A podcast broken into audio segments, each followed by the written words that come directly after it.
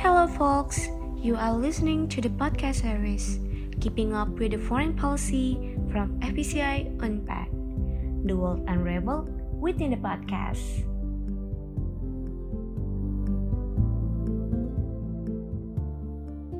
Halo teman-teman semuanya. Teman-teman semuanya, kembali lagi di podcast Keeping Up with the Foreign Policy dari FPCI Unpad. Perkenalkan, nama aku Ratu. Dan aku Teja. Kami berdua merupakan bagian dari Divisi Academic Development FPCI Chapter Unpad. Di podcast kali ini kita akan membicarakan Trump versus Biden, Reshaping US Foreign Policy. Dan tentunya bersama narasumber kita, Kak Cecep Hermawan. Halo Kak Cecep. Halo, halo. Nih, nah silakan nih buat Kak Cecep mungkin bisa perkenalkan diri lebih dalam, serta sekarang kesibukannya apa aja sih Kak? Oke, halo semuanya. Nama saya Cecep Hermawan.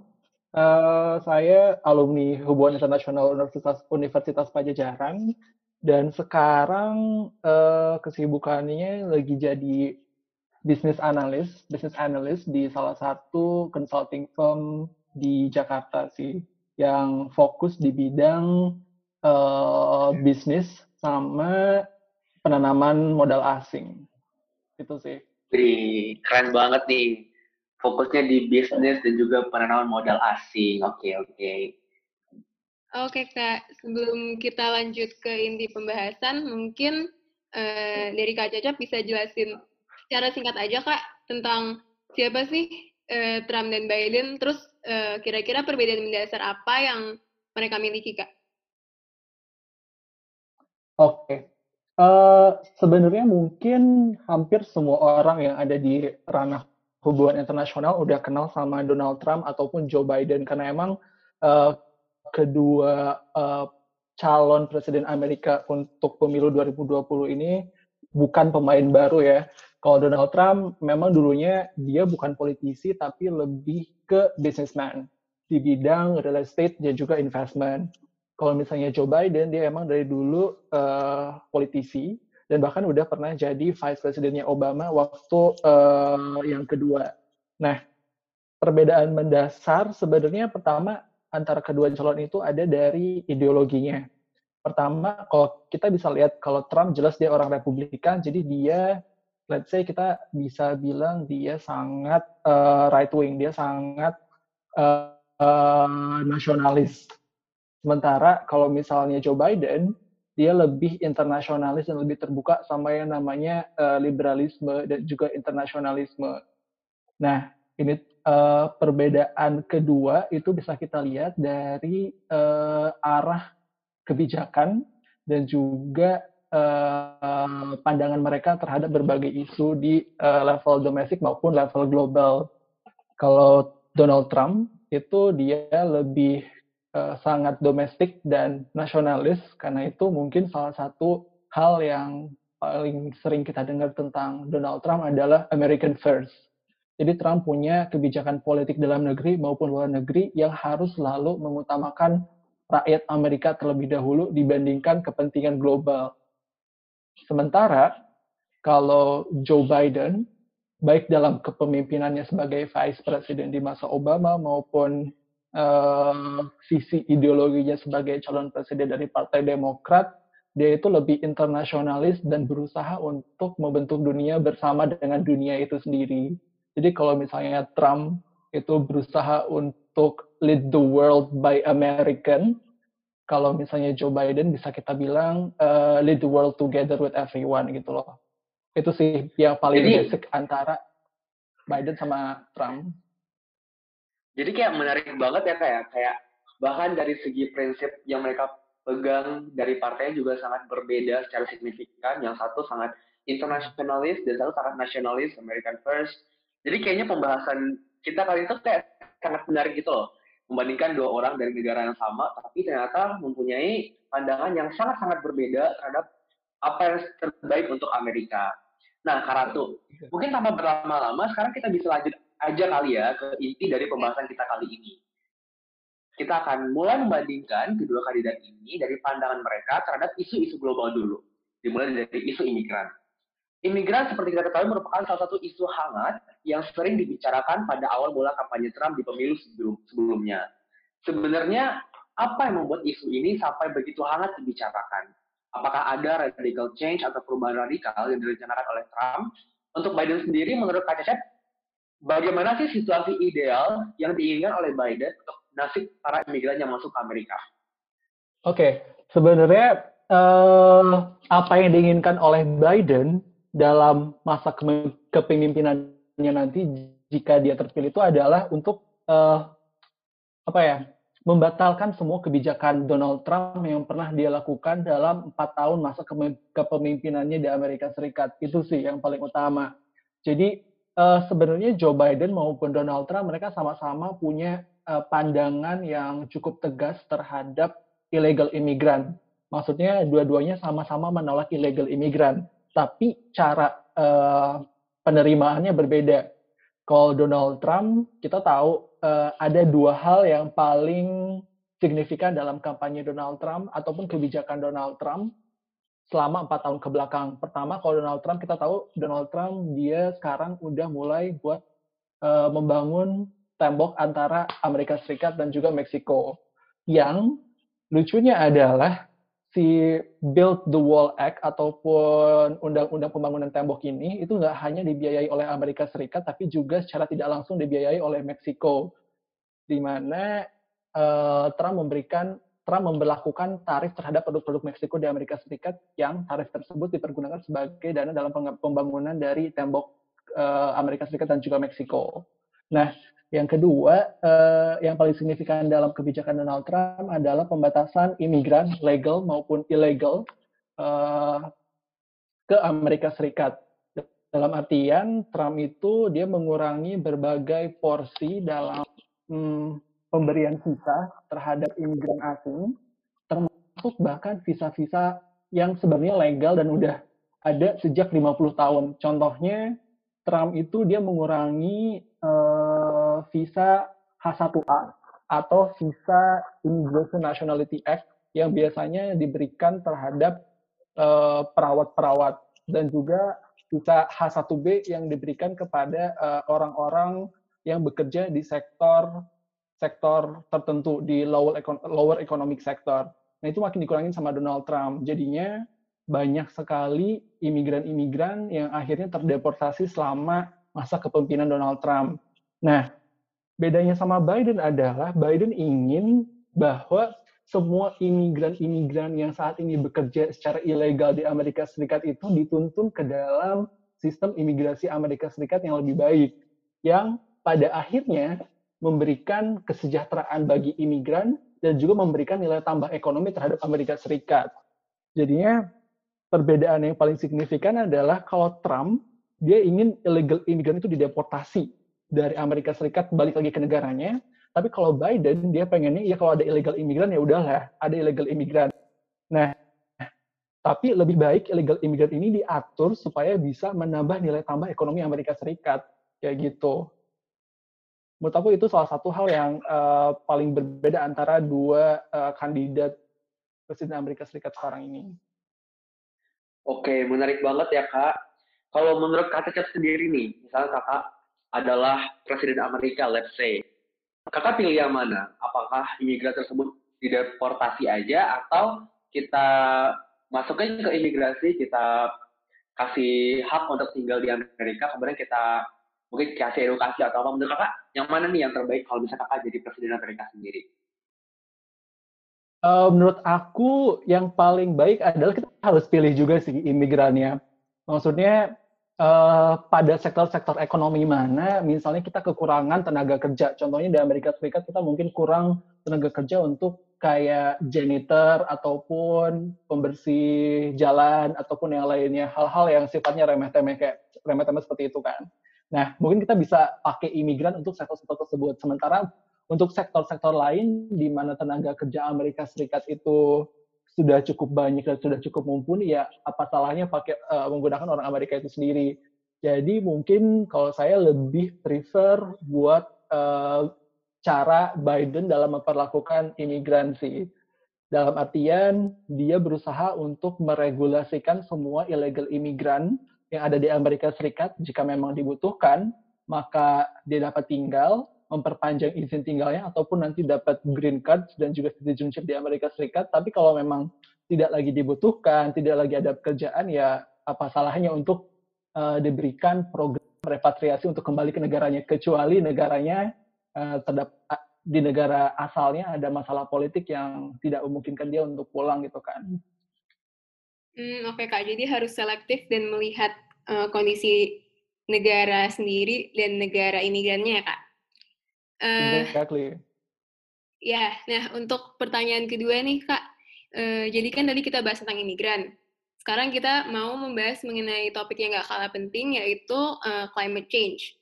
Nah, di tahun 2015, Trump mengumumkan uh, pengunduran Amerika Serikat dari Paris Agreement, yang mana agreement ini merupakan perjanjian tentang isu pemanasan global. Dari kakak sendiri, kira kira-kira apa ya alasan yang mendasari keputusan Trump ini? Lalu, apakah pandangan ini secara konsisten dipegang oleh masing-masing partai, terlepas dari kandidat yang mereka kirim uh, ke pemilu saat ini? Atau bagaimana ya, Kak? Oke, okay kalau masalah lingkungan ini uh, basicnya partainya juga punya pandangan yang jauh berbeda di anta, uh, tentang isu lingkungan. Pertama, kalau Republikan mereka tuh jelas punya pandangan filosofis yang sifatnya anthropocentrism atau yang namanya sebuah kebijakan lingkungan ataupun kebijakan apa pun tuh harus memiliki keuntungan terhadap uh, rakyat Amerika. Tujuannya sangat domestik, tujuannya sangat uh, apa ya nasionalistik lah beda terus bedanya sama Partai Demokrat kalau partai kalau Partai Demokrat itu kebijakannya ataupun arah ideologinya lebih ke yang sifatnya geocentrism atau mendukung keberlanjutan dari tempat tinggal dari manusianya itu sendiri. Nah, ini emang dari dulu eh, pandangan ini emang udah berbeda bahkan mungkin ya 100 200 tahun yang lalu di mana Partai Republikan dan Demokrat muncul eh, di ideologinya tuh udah udah berbeda. Nah, kalau alasan Trump sebenarnya kenapa dia menarik diri dari Paris Agreement, ya secara teknis nih ya, menurut aku eh, Amerika Serikat tuh gak pernah satu kali pun menandatangani meratifikasi eh, agreement-agreement atau perjanjian-perjanjian internasional di bidang lingkungan hidup. Kalau kalian coba buat ngecek status sertifikasi dari setiap agreement, kayak misalnya Kyoto Protocol tahun uh, eh, 19 something ataupun misalnya uh, kebijakan-kebijakan lingkungan apa pun yang ada hubungannya sama lingkungan itu Amerika Serikat nggak pernah melakukan ratifikasi terhadap uh, kebijakan-kebijakan tersebut kebijakan-kebijakan tersebut karena memang proses ratifikasinya yang selalu mandek karena pandangan dari Partai Republikan yang tidak menganggap bahwa perjanjian ini adalah perjanjian yang cukup yang penting bagi Amerika Serikat. Jadi ya Amerika Serikat selama ini memang udah jadi signatory saja, cuma jadi uh, penanda tangan, tapi tidak meratifikasi perjanjian-perjanjian internasional tersebut. Jadi kalau misalnya Trump menarik diri dari Paris Agreement, dan kita bisa lihat background dari Trump itu sebagai orang Republikan, ya cukup terlihat jelas kayak Trump itu hanya berusaha untuk menekankan posisi Partai Republikan di level internasional bahwa kita nggak mau lagi yang namanya uh, put an act pura-pura peduli padahal kita nggak peduli ya udah mending kita withdraw aja semuanya. Menurut aku Trump tuh sosok politisi yang cukup uh, belak-belakan dalam penerapan kebijakan politik itu loh. Beda sama presiden-presiden Republikan yang lainnya yang memang biasanya masih cukup diplomatis dengan menandatangani perjanjian-perjanjian internasional di bidang lingkungan sekalipun pada akhirnya 20-30 tahun uh, ke depannya mereka nggak pernah ratifikasi nggak pernah membereskan ratifikasi atau perjanjian-perjanjian tersebut kayak gitu sih. Hmm, jadi menurut uh, pandangan kakak tuh kalau dari masa pemerintahan kemarin itu sering kali mereka menganggap perjanjian lingkungan itu non binding gitu ya kak, uh, bukan prioritas utama Amerika. Nah kalau misalnya seandainya nanti Biden yang terpilih jadi presiden, uh, menurut kakak ada kemungkinan nggak Amerika akan lebih proaktif dalam hal uh, perjanjian internasional soal lingkungan kak? Uh, sebenarnya menurut aku Biden mungkin bisa bisa membawa Amerika aktif dalam diskursus lingkungan internasional, tapi tetap hanya sebatas menandatangani uh, perjanjian-perjanjian tersebut yang mungkin ada di masa yang akan datang gitu. Tapi uh, dalam hal ratifikasi tentu itu semua bergantung sama Kongres dan juga uh, senatnya apakah mereka mau, mau untuk menyetujuinya apa uh, atau enggak gitu kan. Karena masalah dari uh, proses ratifikasi di Amerika Serikat sendiri itu selalu mandek di uh, di parlemennya itu sendiri yang tidak yang tidak sampai ke batas minimum untuk melakukan ratifikasi kayak gitu sih. Mungkin uh, bakal tercapai dengan terpilihnya Biden, tapi uh, tidak tentu bahwa ratifikasi bisa berjalan. Mungkin satu hal yang kita bisa lihat dengan pasti di masa depan lebih ke uh, penanganan isu lingkungan di domestik Amerika Serikatnya itu sendiri.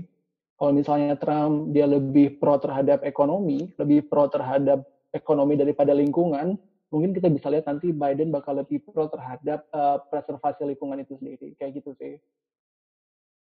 Oke, ternyata dari mereka sendiri partainya juga berbeda banget tentang lingkungan, tapi pada akhirnya kebijakan atau um, keputusan kebijakan dari Amerika Serikat sendiri itu tergantung dari senatnya sendiri ya. Jadi kayak walaupun ada perbedaan nih dari kedua partai, tapi tetap harus didiskusikan dan nantinya itu mungkin kalaupun misalnya Biden terpilih tidak menjamin um, Amerika akan sangat mendukung lingkungan over economy.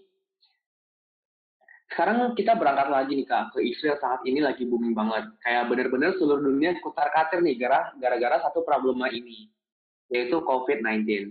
Di masa pandemi COVID-19 ini, kebijakan apa saja sih yang sudah dikeluarkan oleh Trump? Mengingat Trump ini merupakan salah satu presiden yang paling kontroversial yang pernah dimiliki Amerika, apakah kebijakan-kebijakan tersebut pernah menjadi kontroversial yang berkaitan dengan COVID-19? Sementara untuk Biden sendiri, apakah ada langkah ideal yang diinginkan atau dirasa tepat oleh Biden untuk dilakukan oleh Amerika sebagai sebuah negara adidaya dalam menghadapi pandemi COVID-19? Uh, Oke, okay. Uh, kita tahu bahwa Donald Trump dia cukup denial dalam uh, menangani pandemi COVID-19 di Amerika Serikat. Dulu di awal bulan Januari, bulan Februari, Trump pernah bilang bahwa semuanya tuh ada di bawah kendali dan juga dia bilang Amerika Serikat nggak akan uh, terkena pandemi COVID-19 karena saat itu kalau nggak salah ada satu orang dari China yang positif di Amerika Serikat terus dia bilang itu udah diisolasi dan uh, COVID-19 itu nggak akan lebih infectious atau nggak akan lebih mematikan daripada flu biasa.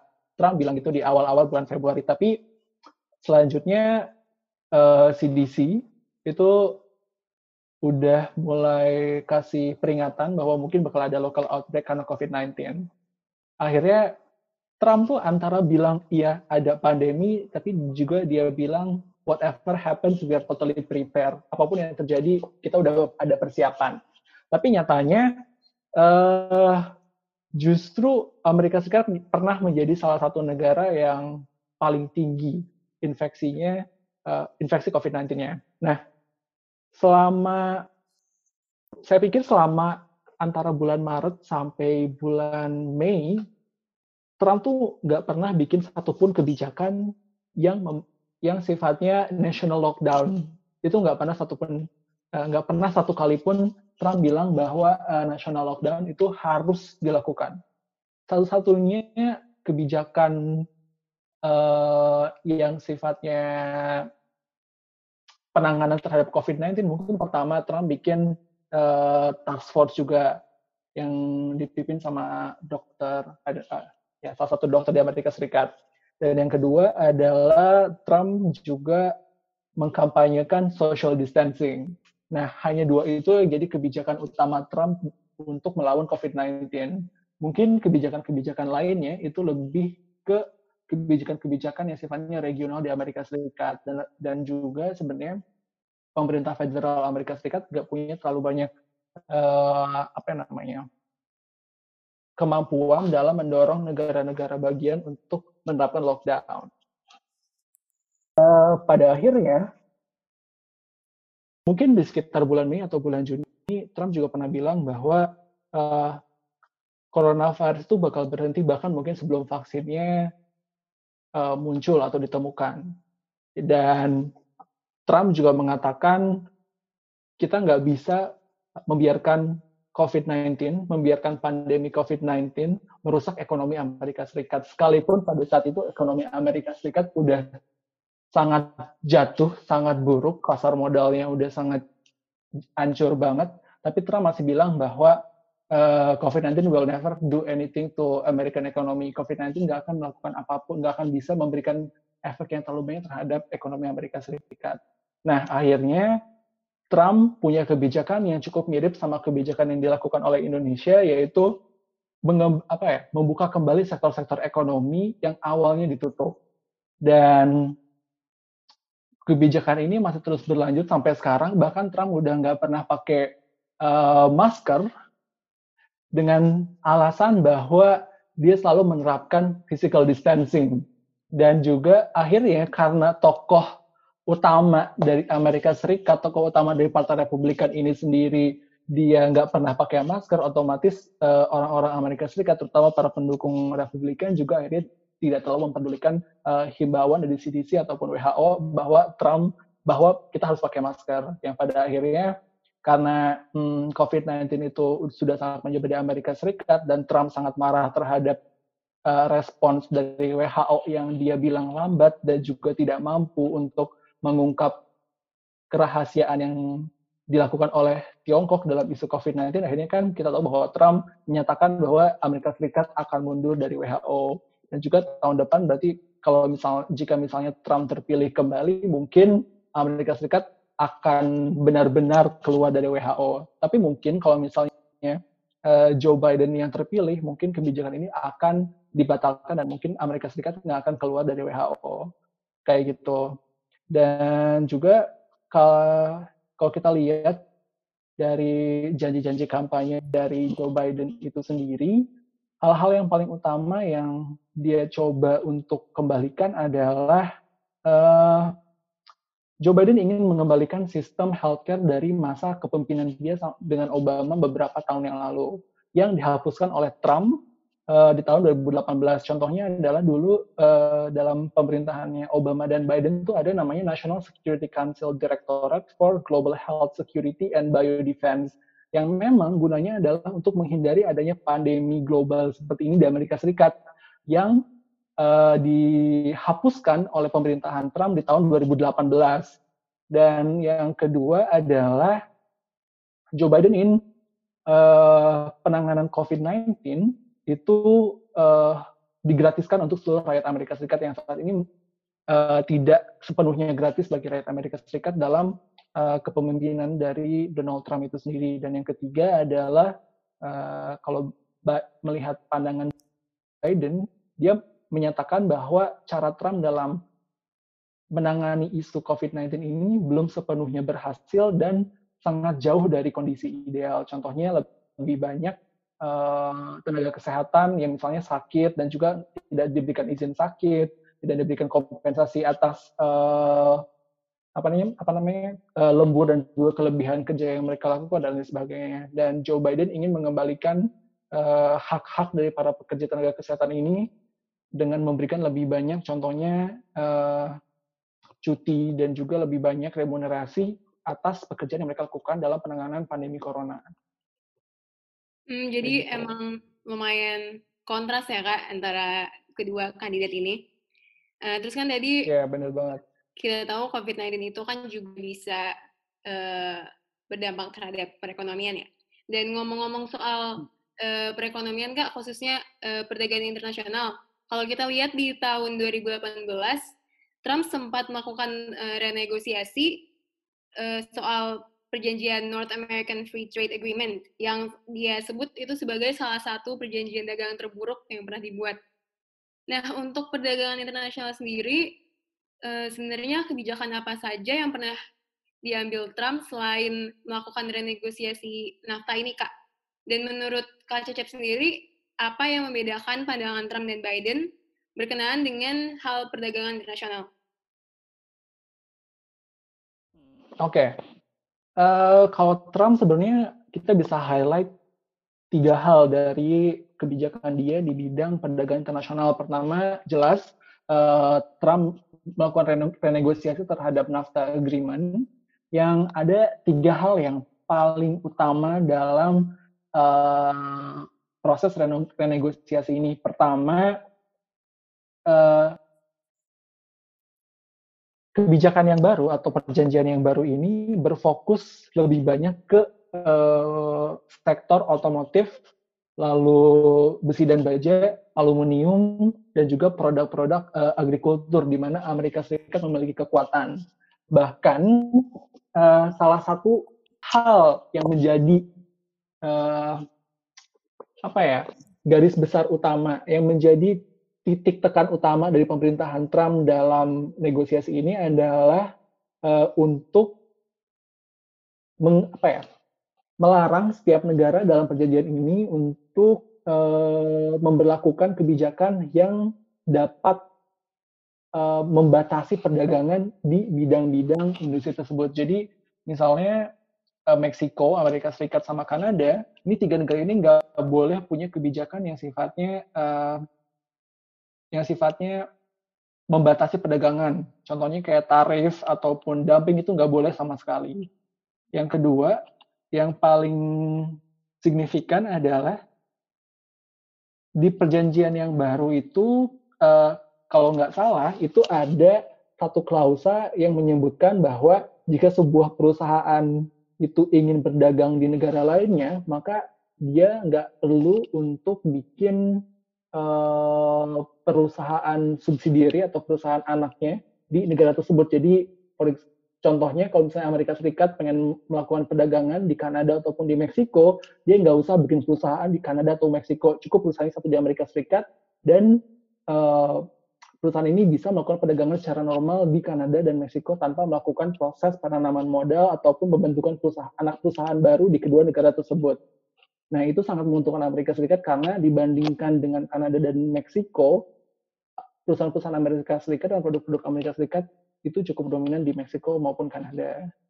Dan yang ketiga, uh, perjanjian baru ini juga menambahkan kayak satu artikel baru di mana Amerika Serikat, Kanada maupun Meksiko, jika salah satu dari tiga negara ini ingin melakukan perjanjian perdagangan dengan negara lain, negara apa pun, itu harus memberitahukan ke anggota perjanjian lain. Contohnya kalau misalnya Kanada ingin melakukan perjanjian dagang dengan Cina, dengan Tiongkok, ataupun misalnya dengan Indonesia.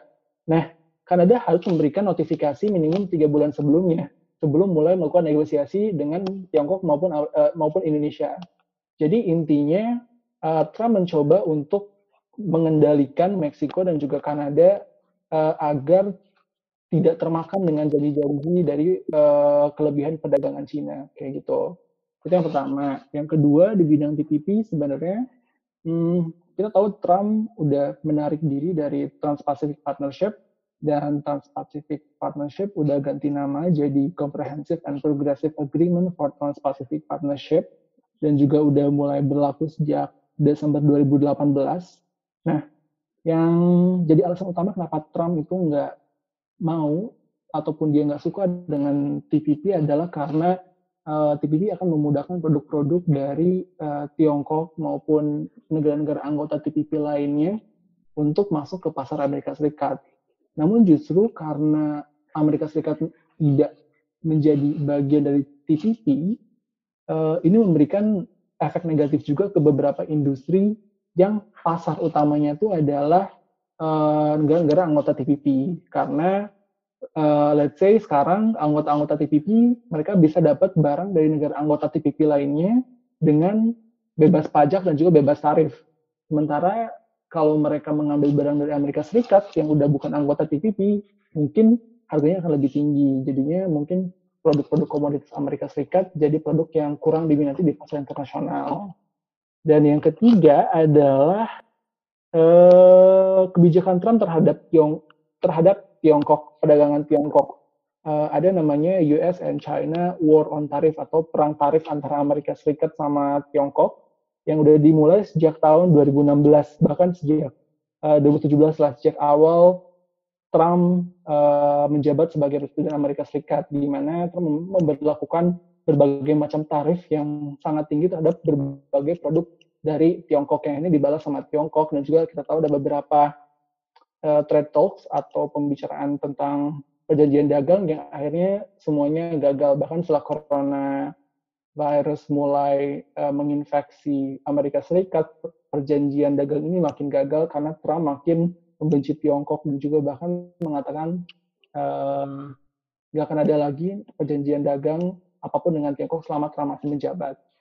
Nah, kalau bedanya sama Biden, sebenarnya uh, salah satu hal yang menjadi titik utama Biden adalah uh, berusaha Biden itu berusaha untuk mendatangkan investasi.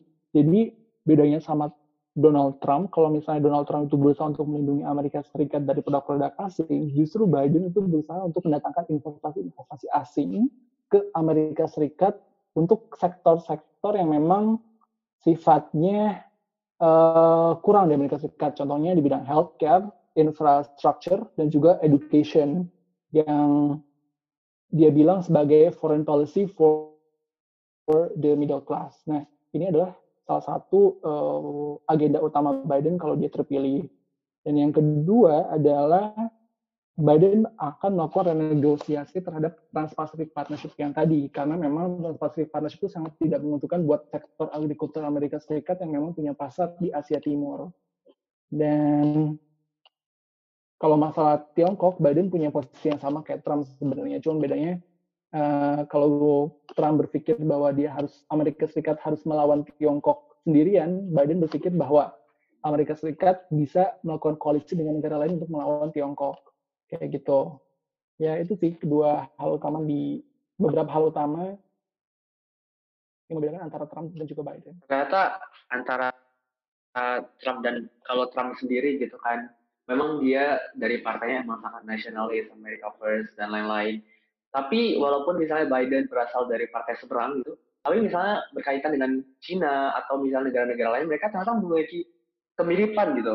Kayak kita misalnya tentang Cina tadi, mereka memiliki kemiripan pandangannya tentang Cina, perdagangan dengan Cina dan lain-lain. Jika tadi kita udah bahas tentang isu internasional, sekarang enaknya kita kerucutin lagi nih kak. Topiknya menjadi isu yang berkaitan dengan bagaimana persepsi dari masing-masing kandidat terhadap situasi ideal hubungan internasional Amerika Serikat dengan negara-negara lain. Dimulai dari hubungan dengan negara-negara Asia Timur.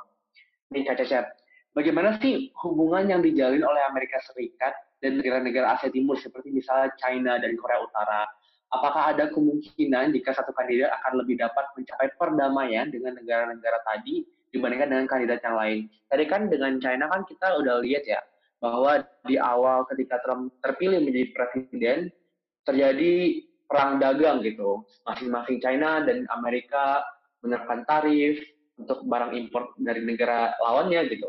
Nah, bagaimana sih kak ke depannya bisa jika Biden terpilih? Apakah ada mungkin kemungkinan damai antara um, Amerika Serikat dan Korea Utara ataupun China? Oke, okay.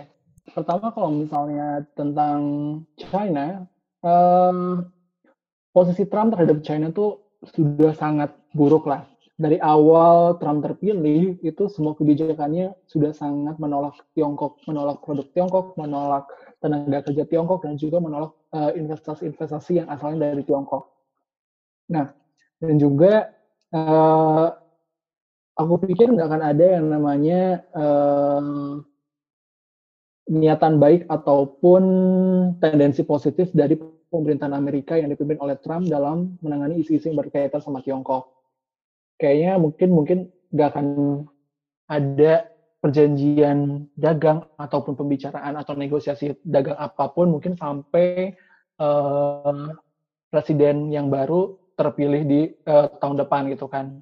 Nah, kalau beda berbeda sama Donald Trump, Joe Biden sendiri berpikir ya China emang salah karena dia menerapkan berbagai uh, apa namanya insentif terhadap memberikan insentif terhadap perusahaan-perusahaan Tiongkok supaya harga jual dari komoditas Tiongkok itu lebih murah dan yang akhirnya itu tuh menghancurkan uh, pasar dari komoditas-komoditas tersebut. Contohnya misalnya kita tahu pasar telekomunikasi itu uh, cukup didominasi oleh produk-produk Amerika Serikat dan juga dengan adanya Tiongkok yang melakukan berbagai memberikan berbagai insentif terhadap produk-produknya, maka uh, hal ini dianggap sebagai satu hal yang tidak adil, nggak fair, unfair business. Nah, karena Tiongkok sendiri bukan bukan anggota dari berbagai uh, perjanjian dagang yang sangat mengikat kayak WTO dan lain sebagainya, maka Tiongkok ya dia nggak punya kewajiban apa pun untuk misalnya uh, mengikuti uh, peraturan tarif dan juga anti dumping policy dan lain sebagainya. Nah, Biden berpikir bahwa uh, cara yang paling baik dalam menangani isu dengan Tiongkok adalah bukan dengan cara uh, head to head langsung bukan dengan cara menghadapinya langsung, tapi dengan cara lebih ke uh, politik yang sifatnya proksi lah. Kita bisa menggunakan negara-negara lainnya uh, yang jadi ally atau yang jadi aliansi Amerika Serikat di bidang ekonomi untuk melawan Tiongkok sekaligus. Biden menganggap hal itu lebih efektif daripada melawan Tiongkok secara langsung. Karena kita tahu mungkin nanti kita bakal ngomongin di Asia Tenggara, ini yang bakal menjadi perang proksi utama antara Amerika Amerika Serikat dan juga Tiongkok. Nah, Trump itu dianggap tidak terlalu menggunakan negara-negara aliansi dari Amerika Serikat untuk menyerang Tiongkok kayak gitu. Sementara Biden tuh, dia berusaha untuk lebih uh, mengkonsolidasikan kekuatan supaya uh, ekonomi Amerika Serikat dan juga sumber daya Amerika Serikat tetap bertahan tanpa perlu adanya uh, kegagalan ekonomi yang disebabkan karena kita mengurangi produk Tiongkok. Uh, dan juga di sisi yang lain kita tetap bisa ngelawan Tiongkok gitu loh bedanya di situ. Kalau misalnya di isu North Korea, hmm, Donald Trump sama Biden tuh punya posisi yang sama. Dalam artian, kenapa misalnya North Korea itu nggak melanjutkan uh, negosiasi perdamaian yang dengan Amerika Serikat, karena Kim Jong-un berpikir bahwa nggak ada untungnya buat uh, Korea Utara uh, ngikutin apa yang Amerika Serikat mau kalau misalnya sanksi perdagangan yang diberikan Amerika Serikat ke Korea itu nggak diangkat. Di sisi lain, Amerika Serikat juga berpikir bahwa yang nggak ada gunanya sanksinya diangkat kalau misalnya Kim Jong Un nggak mau berjanji untuk menghentikan proyek uh, misilnya dan lain sebagainya, proyek nuklirnya Korea Utara gitu kan. Dan di, di dalam isu Korea Utara sendiri sebenarnya Donald Trump maupun Biden tuh punya uh, pandangan yang sama. Jadi mungkin kalau dalam isu North Korea maupun dari Partai Demokrat maupun Partai Republikan ya nggak akan terlalu memberikan uh, perubahan yang signifikan. Mungkin pendekatannya aja yang lebih berbeda. Kalau Republikan dengan Donald Trump lebih agresif, sementara mungkin kalau dengan Biden yang asalnya dari Demokrat mungkin lebih defensif gitu kan. Hmm, Oke okay, kak, tadi uh, kalau aku dengar kakak sempat ngungkit dikit tentang uh, dampaknya dengan Asia Tenggara ya. Nah, untuk kawasan Asia Tenggara sendiri nih Kak, bagaimana pandangan kedua kandidat ini ya? Apakah ada perbedaan di antara Trump dan Biden berkenaan dengan pendekatan yang akan mereka gunakan terhadap negara-negara di Asia Tenggara? Dan jika dilihat dari berbagai aspek, menurut Kak Cecep sendiri, pendekatan dari siapa yang akan lebih menguntungkan untuk negara-negara Asia Tenggara? Uh, Oke, sebenarnya kalau untuk Asia Tenggara, hmm, salah satu perbedaan utama dari Trump dan juga Biden adalah pertama Trump itu dia inginnya tuh perjanjian-perjanjian yang sifatnya unilateral lah. Semuanya Amerika yang mimpin. Sementara kalau Biden tuh punya pandangan yang lebih multilateral. Jadi apa pun partnership yang dijalankan oleh Amerika Serikat dengan dengan negara-negara Asia Tenggara dengan ASEAN itu sifatnya harus konsensus antar semua pihak. Sementara contohnya, uh, contoh kebijakannya adalah uh, Trump pernah punya kebijakan free and open Indo-Pasifik yang berusaha untuk uh, menarik negara-negara Asia Tenggara supaya di dalam di sektor ekonomi, di sektor perdagangan internasional untuk tidak terbuai dengan berbagai insentif yang diberikan oleh Tiongkok terhadap negara-negara Asia Tenggara. Nah, hal ini tuh oleh negara-negara Asia Tenggara dianggap terlalu unilateral karena sifatnya uh, Trump nggak pernah yang namanya menegosiasikan tentang free and open Indo-Pacific, definisinya apa, uh, keuntungannya buat negara-negara ASEAN apa? Ke uh, negara-negara masing-masing, negara-negara ASEAN-nya masing-masing.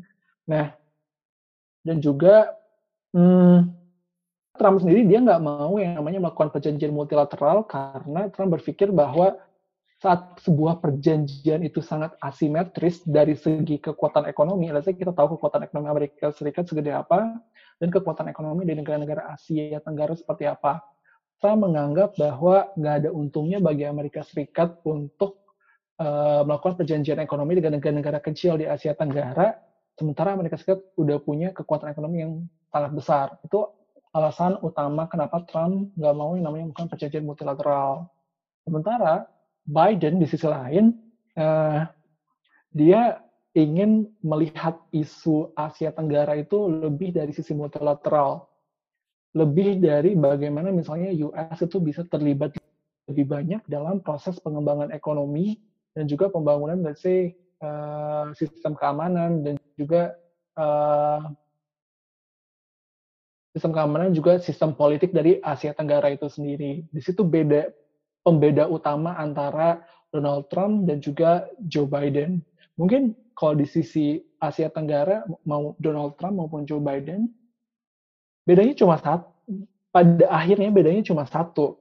Kalau misalnya Trump itu maunya Amerika Serikat lead everything, kalau Biden di sisi lain, dia inginnya apa pun yang ASEAN inginkan, apa pun yang negara-negara Asia Tenggara inginkan, semuanya bisa dibicarakan supaya menguntungkan kedua belah pihak gitu loh.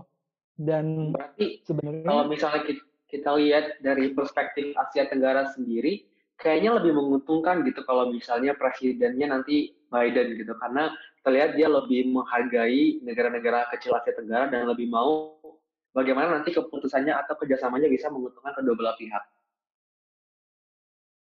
Uh, Ya mungkin kalau dari lihat dari sisi idealnya, memang Biden itu apa pun yang direncanakan oleh Biden itu sangat ideal karena memperhitungkan pandangan dari negara-negara ASEAN itu sendiri. Tapi pada prakteknya sebenarnya uh, Trump itu lebih suka dengan pendekatan-pendekatan yang sifatnya uh, one on one lah. Uh, Donald Trump itu dekat sama pemimpin-pemimpin Asia Tenggara kayak Perdana Menteri Thailand, Raja Chan Ocha ataupun misalnya presidennya Filipina Duterte karena memang mereka mungkin punya pandangan yang cukup sama dan mereka sama-sama uh, nasionalis sejati. Jadi uh, kalau kita lihat sekarang kecenderungannya mungkin negara-negara ASEAN lebih suka sama Trump daripada Joe Biden. Uh, aku nggak tahu Jokowi lebih suka Donald Trump ataupun Joe Biden ya. Tapi mungkin kalau emang yang paling ideal adalah uh, Joe Biden buat untuk memberikan keuntungan yang sifatnya lebih inklusif di segala segala segmen segmen ekonomi maupun politik lah. Karena kalau okay. misalnya Trump itu cuma menguntungkan Asia Tenggara di bidang ekonomi. Karena dalam artian Trump itu mendorong perusahaan-perusahaan Amerika Serikat yang ada di Tiongkok, kayak misalnya pabriknya Apple itu supaya pindah, let's say, ke Indonesia ataupun ke Vietnam. Bahkan pabrikan Apple juga beberapa spare part Apple itu udah mulai diproduksi di Indonesia sama ada namanya PT Satnusa Persada di Batam. Itu merupakan salah satu dampak nyata banget dari kebijakan Trump di Asia Tenggara, di mana Trump menginginkan pabrikan-pabrikan produk-produk Amerika Serikat itu pindah dari Tiongkok ke Asia Tenggara. Karena sekarang Trump punya apa namanya tensi yang tinggi dengan Tiongkok, tapi Trump nggak mau kehilangan ekonomi dan juga nilai investasi yang begitu tinggi kayak gitu. Oke. Okay. Uh, kalau misalnya kita berbicara tentang idealnya, kita kayaknya lebih mau Biden ya, soalnya Biden sendiri pengennya keuntungannya bisa inklusif, sementara Trump pengennya untuk Amerika dulu. Tapi ya kita lihat aja nanti siapa yang menang dan bagaimana implementasi sebenarnya dari kebijakan mereka akhirnya kita nih udah sampai ke penghujung podcast kita kali ini. Kalau dari aku sendiri sih ya, jika kita lihat ternyata kedua kandidat itu walau berasal dari partai yang sangat-sangat berbeda, baik dari segi prinsip maupun pendekatan yang mereka gunakan dalam kebijakannya, ternyata Trump dan Biden masih memiliki kemiripan nih, walaupun hanya sedikit banget. Kalau menurut Karatu sendiri gimana? Iya, bener banget. Uh, aku juga setuju sih. Mungkin kita tunggu aja kali ya nanti siapa yang menang di pemilu AS 2020 ini. Nah, sekarang uh, aku mau makasih banget nih buat Kak Cecep yang udah nyempetin hadir, udah meluangkan waktunya, dan udah ngasih penjelasan yang menurut aku uh, padat dan komprehensif banget. Kalau menurut Teja? Nah iya, aku merasa kayak bener-bener terilhami gitu loh sama penjelasan Kak Cecep awalnya mungkin sebagian dari kita mikir kayak Trump dan Biden itu seperti dua sisi koin yang sangat-sangat berbeda karena kayak kita lihat dari satu Demokrat, satu lagi Republikan kayak benar-benar berbeda, banget kan gitu. Tapi ternyata setelah dijelasin tadi sama Kaca ternyata masih ada gitu kemiripan yang dimiliki oleh kedua kandidat ini. Iya, sekali lagi uh, makasih ya Kak Cecep udah jadi narasumber di podcast ketiga ini. Semoga nggak kapok Kak jadi narasumber di FPCI Unpad. Nah, buat teman-teman semuanya, terima kasih banget nih udah dengerin podcast ini sampai habis. Semoga apa yang tadi disampaikan oleh Kak Cecep sebagai narasumber kita bisa bermanfaat dan membuat pikiran kita lebih terbuka lagi. Sampai ketemu di podcast Keeping Up with the Foreign Policy selanjutnya bersama FPCI Unpad. Dadah!